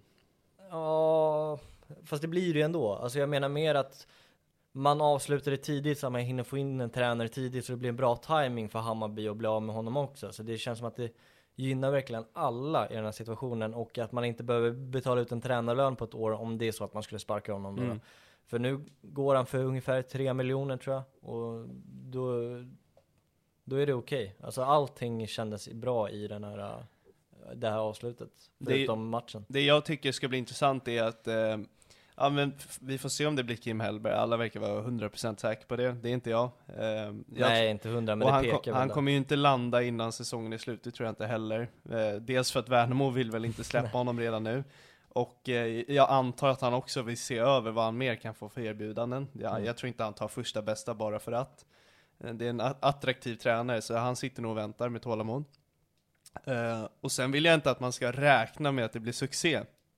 Det är där det farliga är. Mm. Att man tänker så här, ja men kolla vad han har gjort med Värnamo, varför skulle inte, varför skulle inte kunna bli SM-guld med Hammarby första året? Det här är en ganska oprövad tränare som har bevisat sig vara en duktig tränare, med tanke på vilket material han har. Men är han redo för nästa steg? Det vet man inte. Det är jättesvårt att säga så här. Om jag får dra en koppling till exempel till Djurgården, de lyckades ju kanonbra med Kim och Tolle. Mm. Jag tycker de är en relativt likadan sits, att de kommer från bra presterande klubb i Sirius och sen bara pang, succé direkt. Eh, och ett SM-guld med den truppen inför den säsongen, det, det förväntade sig man inte. Eh, och ja, nu spekulerar vi, men ifall Malmö vinner med Rydström, nu kanske vem som helst hade gjort det. Men det, det, han känns också på den nivån. Men sen kan det bli Brännström också med AIK, där han har gjort det bra med Mjällby och sen Mm. blir pannkaka Ja, det AIK. finns hur många Så- alltså, exempel som helst. Det. Pelle Olsson i Gävle i alla år lyckades hålla kvar dem och eh, jag vet inte hur han landade i Djurgården för det är inte någon gemensam spelidé där, men det vart ju också bara piss över det hela. Eh, man kan hitta bra exempel, man kan hitta dåliga exempel. Det jag säger bara är att man inte ska börja drömma om guld bara för att Kim Hellberg ansluter. Nej, det är klart, men man ska väl få vara rätt att drömma också. Så Ja. det, det, det kan sluta hur som helst, men det är klart att det, det kommer ju Drömma vara... får man, men räkna inte med något. Nej, så det, Eh, där kan vi väl Succé landa. behöver inte bli för att ja, årets succétränare tar över. Nej, man kan alltid hoppas. In i matchen. Eh, jag körde dubbla skärmar, eh, Elfsborg-matchen och Hammarby samtidigt. Eh, slutade fokusera. Jag tror jag till och med stängde av när det stod 2-0 för jag kände det här kommer inte, det kommer inte hända något. Jag måste fokusera på eh, Elfsborg-Göteborg. Sen plingade det till, 2-1. Jaha. Eh, ja, det kom väl från ingenstans kände jag då. Eh, och sen kommer 2-2. Eh, Jag kunde knappt tro det. Eh, Och det var väl i sista sparken kändes det som också. Ja, det var det absolut Ja. sista. Eh, Nicken då. Ja, exakt. Eh, ta oss igenom matchen. Du, du har bättre blick på det. Först och främst så var det en jävla intressant startelva Hammarby ställde upp med. Mm, där kände man att nu är det bara satsa ungt, för det är inför det, är en- det är ju en lugn match. Eh, och ja, varför inte bara slänga in de un, unga och förbereda dem på nästa år? Och jag läste någonstans att det var ungefär eh, 22 i ålderssnitt i den startelvan. Eh, Alltså det var jävla intressant och att de tar sig an matchen på det sättet är väldigt imponerande.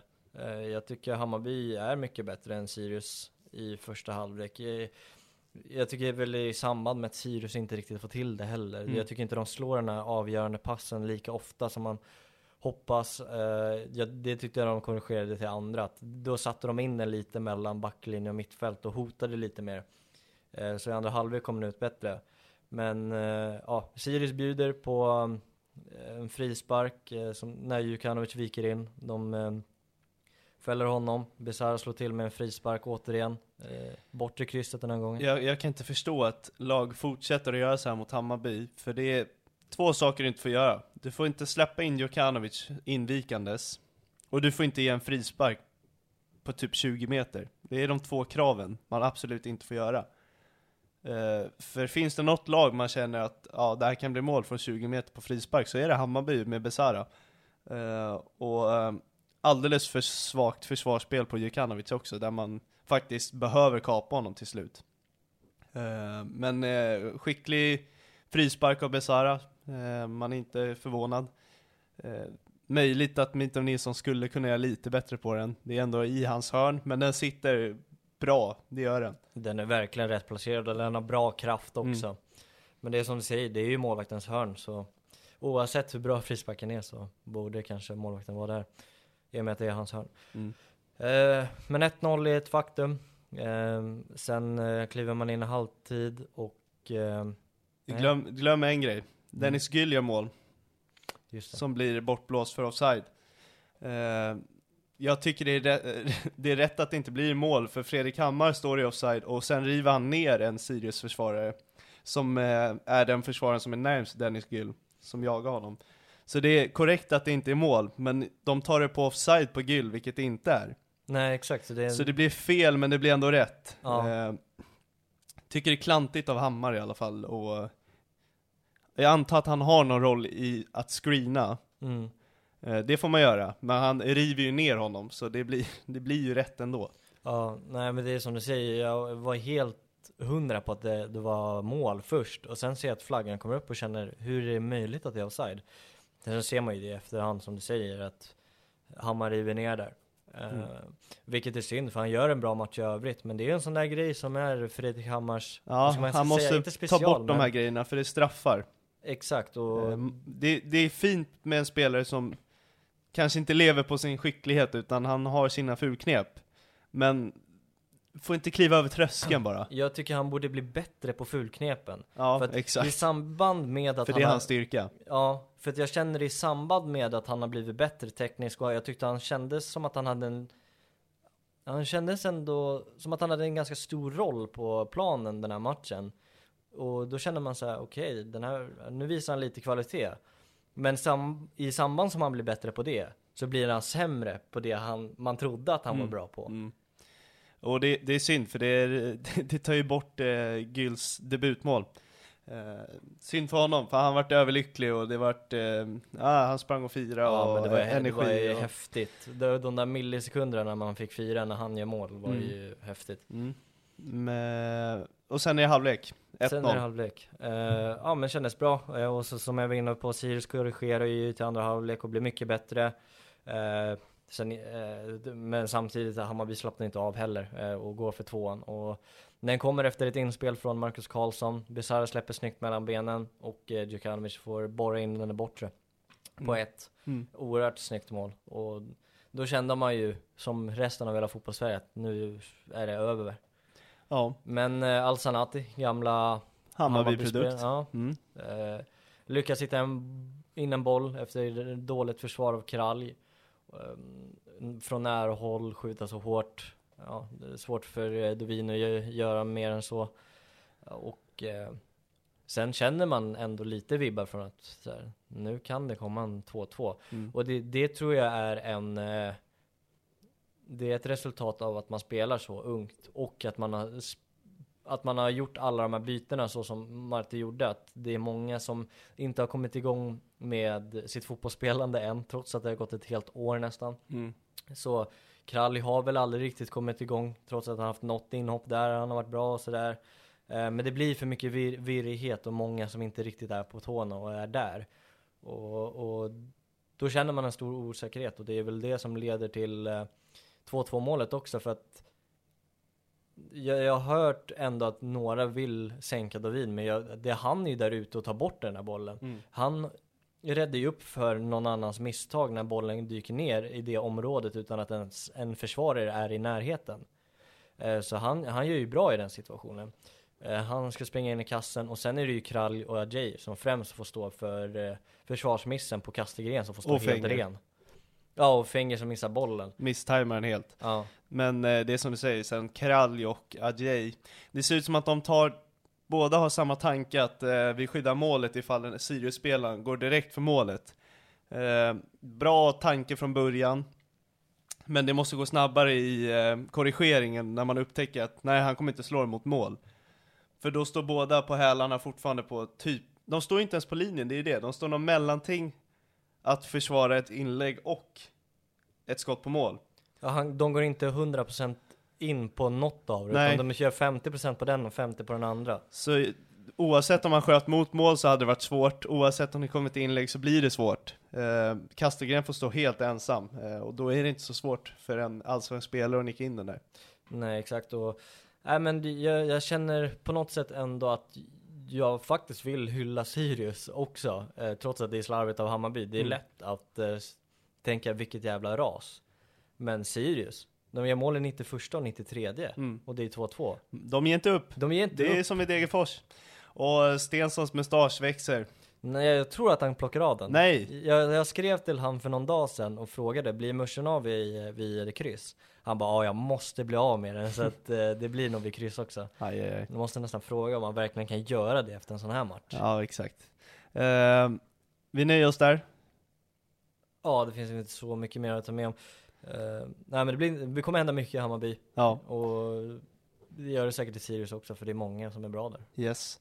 Eh, och vidare till eh, sista matchen den här omgången. Eh, Elfsborg som jagar guld. Göteborg som jagar ett säkrat kontrakt i Allsvenskan. Krävdes bara en poäng för dem att göra det. Eh, Göteborg imponerar den här matchen. Eh, man eh, styr och ställer rätt bra. Och eh, ja, det kändes som att Elfsborg var lite nervösa. Eh, det stämde inte riktigt. Men trots sin eh, ja men faktiskt dominans i första halvlek så eh, får ändå Per Frick göra det här målet och eh, Big Dick. Big Dick Frick eh, gör 1-0 och eh, jäklar vad viktig han har varit nu sen han kom tillbaka från skador. Eh, han är faktiskt nummer ett på eh, nio positionen där före Gudjonsen, eh, trots att de är väldigt lika och påminner om varandra och har ganska liknande siffror. Men jag tycker ändå Frick på något sätt är, han kommer att avgöra det här mer än Gudjonsen. Gudjonsen känns hetare som inhoppare. Mm. Jag, jag minns i början när han kom att han gjorde ju mål varje gång han hoppade in. Ja. Eh, men, halvlekens snackis. Det blir när eh, Ibrahim eh, Boari eh, faktiskt typ stämplar Tora som med rak sula. Eh, och där tänker man, shit det här kanske är rött alltså. Det är orange i alla fall. Det är någonstans mellan gult och rött. Nej, Klitte visar alltså gult kort till Tordarsson, som är offret i den här duellen. Eh, jag tror ingen i hela fotbollssverige kan riktigt fatta vad det är som händer. Vet du vad det sjukaste av allt i den här situationen är? Det är att bollen, alltså Torarsson har ju hunnit rensa den här bollen fem meter innan Bohari kommer in i den här situationen Mm. också. Jag fattar om bollen är emellan de två spelarna. Men nu har ju han hunnit sk- skyffla iväg bollen fem meter och sen kommer Bohari in. Bedrövligt. Eh, Klitte har kritiserats jäkligt mycket i år och Med all eh, rätt. eh, det är nog en eh, domare som kommer tappa sin allsvenska licens. Jag är nästan eh, bombis på det. Det som är så jäkla dåligt är också att eh, synfältet på både assisterande och Klitte är perfekt. Alltså båda ser situationen, det är inte en spelare emellan. De har inget att beskylla. Så frågan är hur kan det bli så snett? Det är en bra fråga. Eh, som du säger, de har perfekt synfält båda två. Och bollen är fem meter från situationen och det är tydligt att det är Torarsson som sparkar bort den där. Mm. Eh, men eh, Elfsborg fortsätter väl vara man på plan. Eh, gå in med ledning i halvlek, orättvist. Så det måste vara mentalt tufft för Göteborg att spela så bra fotboll och gå in i halvlek med att Ibrahim ska ha rött och att de borde leda den här halvleken. Så, nej, jag lider med Göteborg den här halvleken, gör jag. Och halvlek nummer två. Göteborg fortsätter imponera tycker jag. De står på sig. Eh, man kommer väl inte riktigt till någon riktig målchans, men man styr och ställer spelet, man bestämmer tempot, man går för en kvittering. Eh, och till slut får man det via Holmén. Och 1-1 är ett faktum och det känns som att Göteborg har säkrat sitt kontrakt. Jag tror inte att det är någon fara med det, men man kände så här, ja, nu är de klara. Nej! För våran gode vän Alexander Bernhardsson, eh, han hoppar in i eh, andra halvlek och eh, han visar på klass. Det, jag är så jäkla imponerad av den här killen och är så jävla glad att det är just han som får göra det här. Han vinner bollen högt på planhalvan i 82 minuten, eh, vinner närkamp, driver bo bollen framåt. Istället för att släppa vidare den så tar han ytan, som faktiskt många allsvenska spelare är ganska dåliga på. Sen har han ett vasst skott och utnyttjar det och hittar bort eh, eh burgaven. Och 2-1 är ett faktum och Elfsborg leder ligan. Ja, jag har varit eh, faktiskt emotionell när jag eh, såg att han gjorde mål för att vi vet alla eh, vilka skadedrabbningar han haft, eh, dels den här säsongen men även innan. Och att få stå på sidan i ett Elfsborg som gör det så bra och få se sitt lag springa igenom. Det är en sit- tuff situation i matchen. Han eh, har, har verkligen drabbats av de här skadorna och mått, om jag får anta, dåligt. Och gå och avgöra den här matchen och kanske så betyder det att Göteborg, eller, eller vad säger jag? Och kanske så betyder det att Elfsborg går och vinner guldet och han är alltså verkligen bidragande till det då. Ja, jag har sagt det här så många gånger att eh, när han skadar sig så tappar Elfsborg en pusselbit i det här stora pusslet. Alltså kanske den största, för han har en sån roll som är så jäkla imponerande. Där han, han är en grym målskytt. Eh, siffrorna visar på att han är typ den mest effektiva spelaren i hela allsvenskan på 90 minuter. Men det han är så jävla grym på, det är hans defensiva ansvar. Eh, han är en jäkla krigare, alltså det är, man, eh, när vi satt och pratade med honom så berättade han om hur alla ställer upp för varandra i Elfsborg. Att de har verkligen hittat det här. Och det här var rätt tidigt på säsongen. Och ju mer säsongen går, ju mer ser man det här att fan, alla krigar för varandra. Och han, framförallt han. Ja, det är så jävla vackert att han som har haft det så tufft får gå in och avgöra den här matchen Mm. efter det året han har haft. Yes. Och eh, nu när vi pratar här så kan vi bekräfta att vi ska ringa upp honom och det kommer i ett separat avsnitt typ exakt samtidigt som det här. Så Mm. eh, in och lyssna på det så får vi ta mer tempen på hur han mår just nu och eh, hur jäkla underbart det är att spela i Elfsborg. Mm. Eh, och där slutar matchen 2-1. Elfsborg leder serien inför nästa omgång. Eh, jag tror de vinner guld. Jag tror också.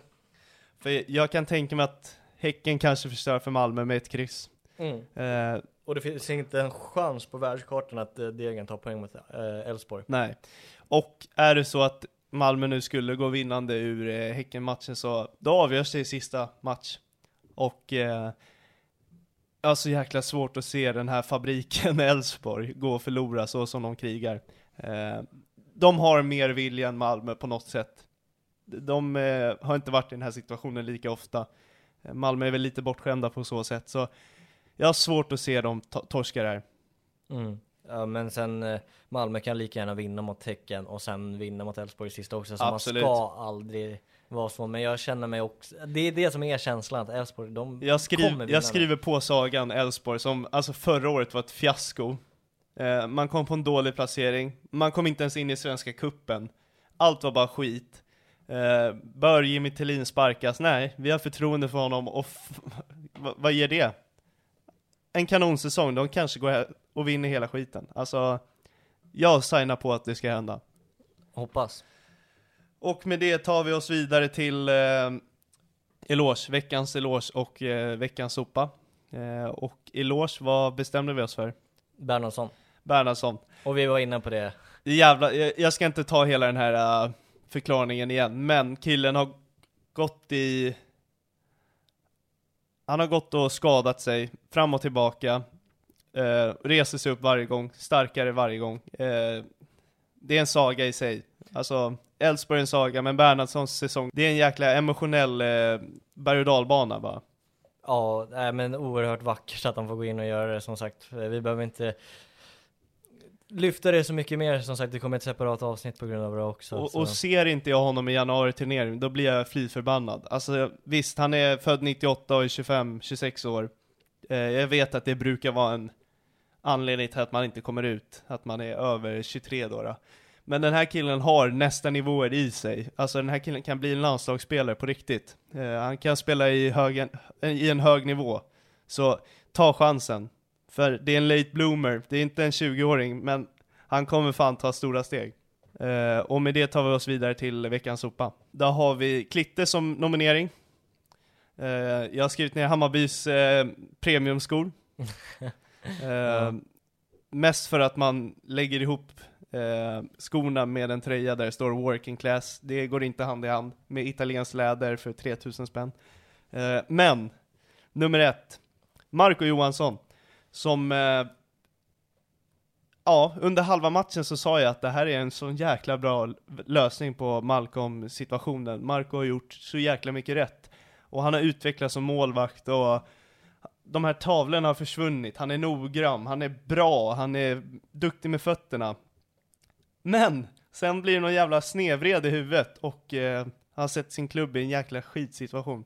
Ja, vi var inne på det tidigare i avsnittet. eh, Men det, det är en sån, det är ett stolpskott. Mm. Verkligen, Ja. alltså det är ju det. Eh, nu var ju han mogen och gick ut med det ganska snabbt att han är fan dum i huvudet. Ja. Han sa det själv, eh, in, hans ord, inte mina, även fast jag håller med. Eh, så han tar eh, guldplatsen på det här, Mm. med Klitte tätt på. Ja, han eh, försökte konkurrera mot honom här. Det är nästan så jag sätter Klitte först faktiskt, nu när jag börjar tänka efter. De får fan dela på den. Ja. Klitte och Marco Johansson håller varandra De hand i hand och är lyfter bucklan tillsammans. lika sopiga båda två. Ja. Eh, och nu avslutar vi med omgångens lag. Mm.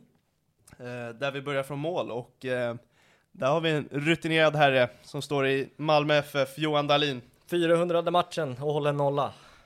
Undrar hur många av de här 400 han har hållit nollan i? 397. Nej, ingen aning. Nej men det lär ju vara rätt bra siffror. Ja, det tror jag också.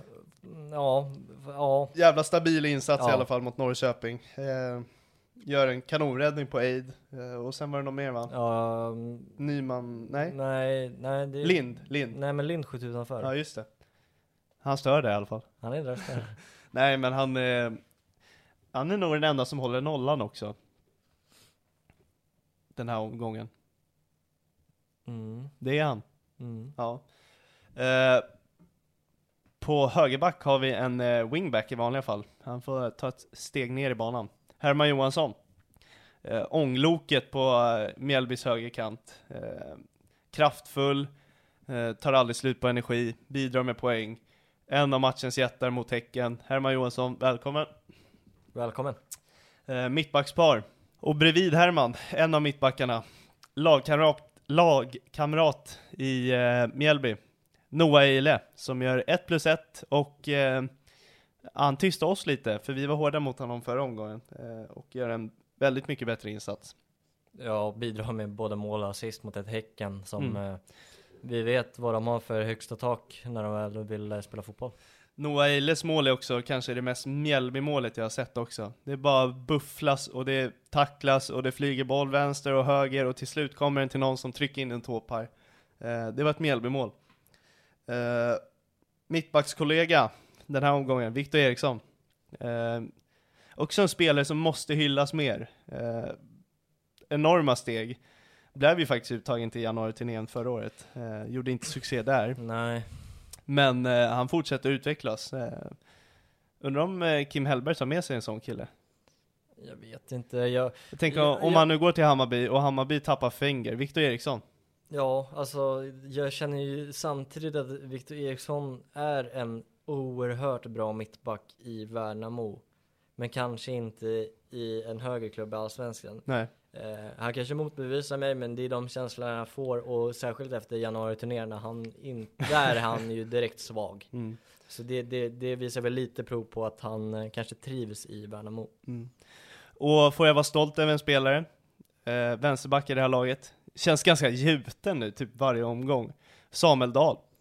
Mm. Det är också någon som kommer spela i januari-turnén. Det, det kan jag nästan garantera att Samuel Dahl är med i januari-turnén. Eh, för han är seriens hetaste vänsterback och jag skäms inte ens för att lägga in honom. Nej, nej, det, det ska du inte göra heller. Bussanello var i alla fall bra, Mm. återigen, Mm. eh, efter ett längre tag, men inte nära Dahl skulle jag säga. Han sticker inte ut på samma sätt. Eh, nej, jag, jag, jag var inne på Samuel Dahl förra omgången. Det är one of a kind vänsterback, svensk vänsterback. Det är inte många sådana, vi får se. Eh, mittfältet, en till djurgårdare. Eh, Oskar Fallenius får ta ett steg ner, för vi har Mm. ett offensivt lag, så han får väl spela 10 i det här laget. Mm. Eh, gör 1 plus 1 mot sin gamla klubb. Eh, som vi var inne på, det har varit kritik på poängproduceringen. Eh, inte den här gången. Eh, och eh, otroligt duktig bara, hela matchen. Hans eh, mittfältskompanjoner, eh, det är ganska bra lagbygge ändå om Falenius är tia. Då har vi Sergio Peña bakom, som får eh, styra och ställa precis som han gör i matchen mot eh, Norrköping. Mm, mm. Eh, där, det han kanske är bäst på i hela serien. Ja, han kanske typ var den, trots att det är många fina, fina namn här som har gjort bra prestationer den omgången så var han typ den första man tänkte på Mm, när man skulle mm. ta ut omgångens lag. En Elfsborgsspelare hittar in, trots en tuff match mot Göteborg. Eh, och är det så att spelet inte stämmer, då får viljan ta över. Eh, och det gör det hos Emanuel Boateng, som imponerar fysiskt för mig den här matchen. Han tar sig an varje jäkla närkamp med bravur. Så eh, han är ju, given i det här laget för mig. Mm. Eh, häftig spelare, vi får se om han blir kvar i Elfsborg. Ja, det blir spännande. Mm. Anfallstrio, Jukanovic. Eh, gör mål som vanligt när han spelar. Vinner frisparken till Besara Mm. som knorrar in den också. Så på något sätt får han 1 plus 1 den här matchen, även Ja. fast det inte är det på pappret. Eh, en kille som har varit med väldigt många gånger, Gustav Engvall. Eh, är det Värnamos stjärna? Jag vet att Oskar Johansson är kanske den bästa fotbollsspelaren, men stjärnstatus, det har Gustav Engvall och karaktär, vilja, eh, skicklighet, allt har han. Ja. Ja, men han, man måste in mot gamla gänget också. Eh, Så eh, känns det som att målen betyder lite extra på något sätt. Mm. Så ja, men han, han måste in. Sist, och definitivt inte minst i det här laget, eh, Nej, minst den sannerligen inte. Nej, Mjällbytanken, Jakob Bergström. Eh, det är också en kille som gör ett Mjällbymål. Eh, han magar in den typ. Eh, bara på ett sånt sätt som han gör det. Ja, vi sa det tidigare också. Han vaknar lite från de döda här och står för en kanonmatch. Mm. Eh, Han gör det han ska. Japp. Tre Mjällbyspelare, det måste vara första gång, gången i år. Ja, under våren måste de ha Kanske. haft flera för Ja, att de var kanske. riktigt bra då. Ja, det stämmer nog. Eh, med det avslutar vi det här avsnittet, för vi ska faktiskt ringa upp Alexander nu. Mm. Eh, vi är faktiskt försenade till och med, så vi måste skynda oss nu. Eh, vi tackar för att ni lyssnar och eh, fortsätter göra det. Ja, och följ oss på sociala medier. och, och Spotify och allting. Eh, och eh, som vi sa tidigare i avsnittet, eh, skriv vad ni tycker, Gärna. för det får oss att utvecklas. Eh, ha det bra allesammans. Ha det bra.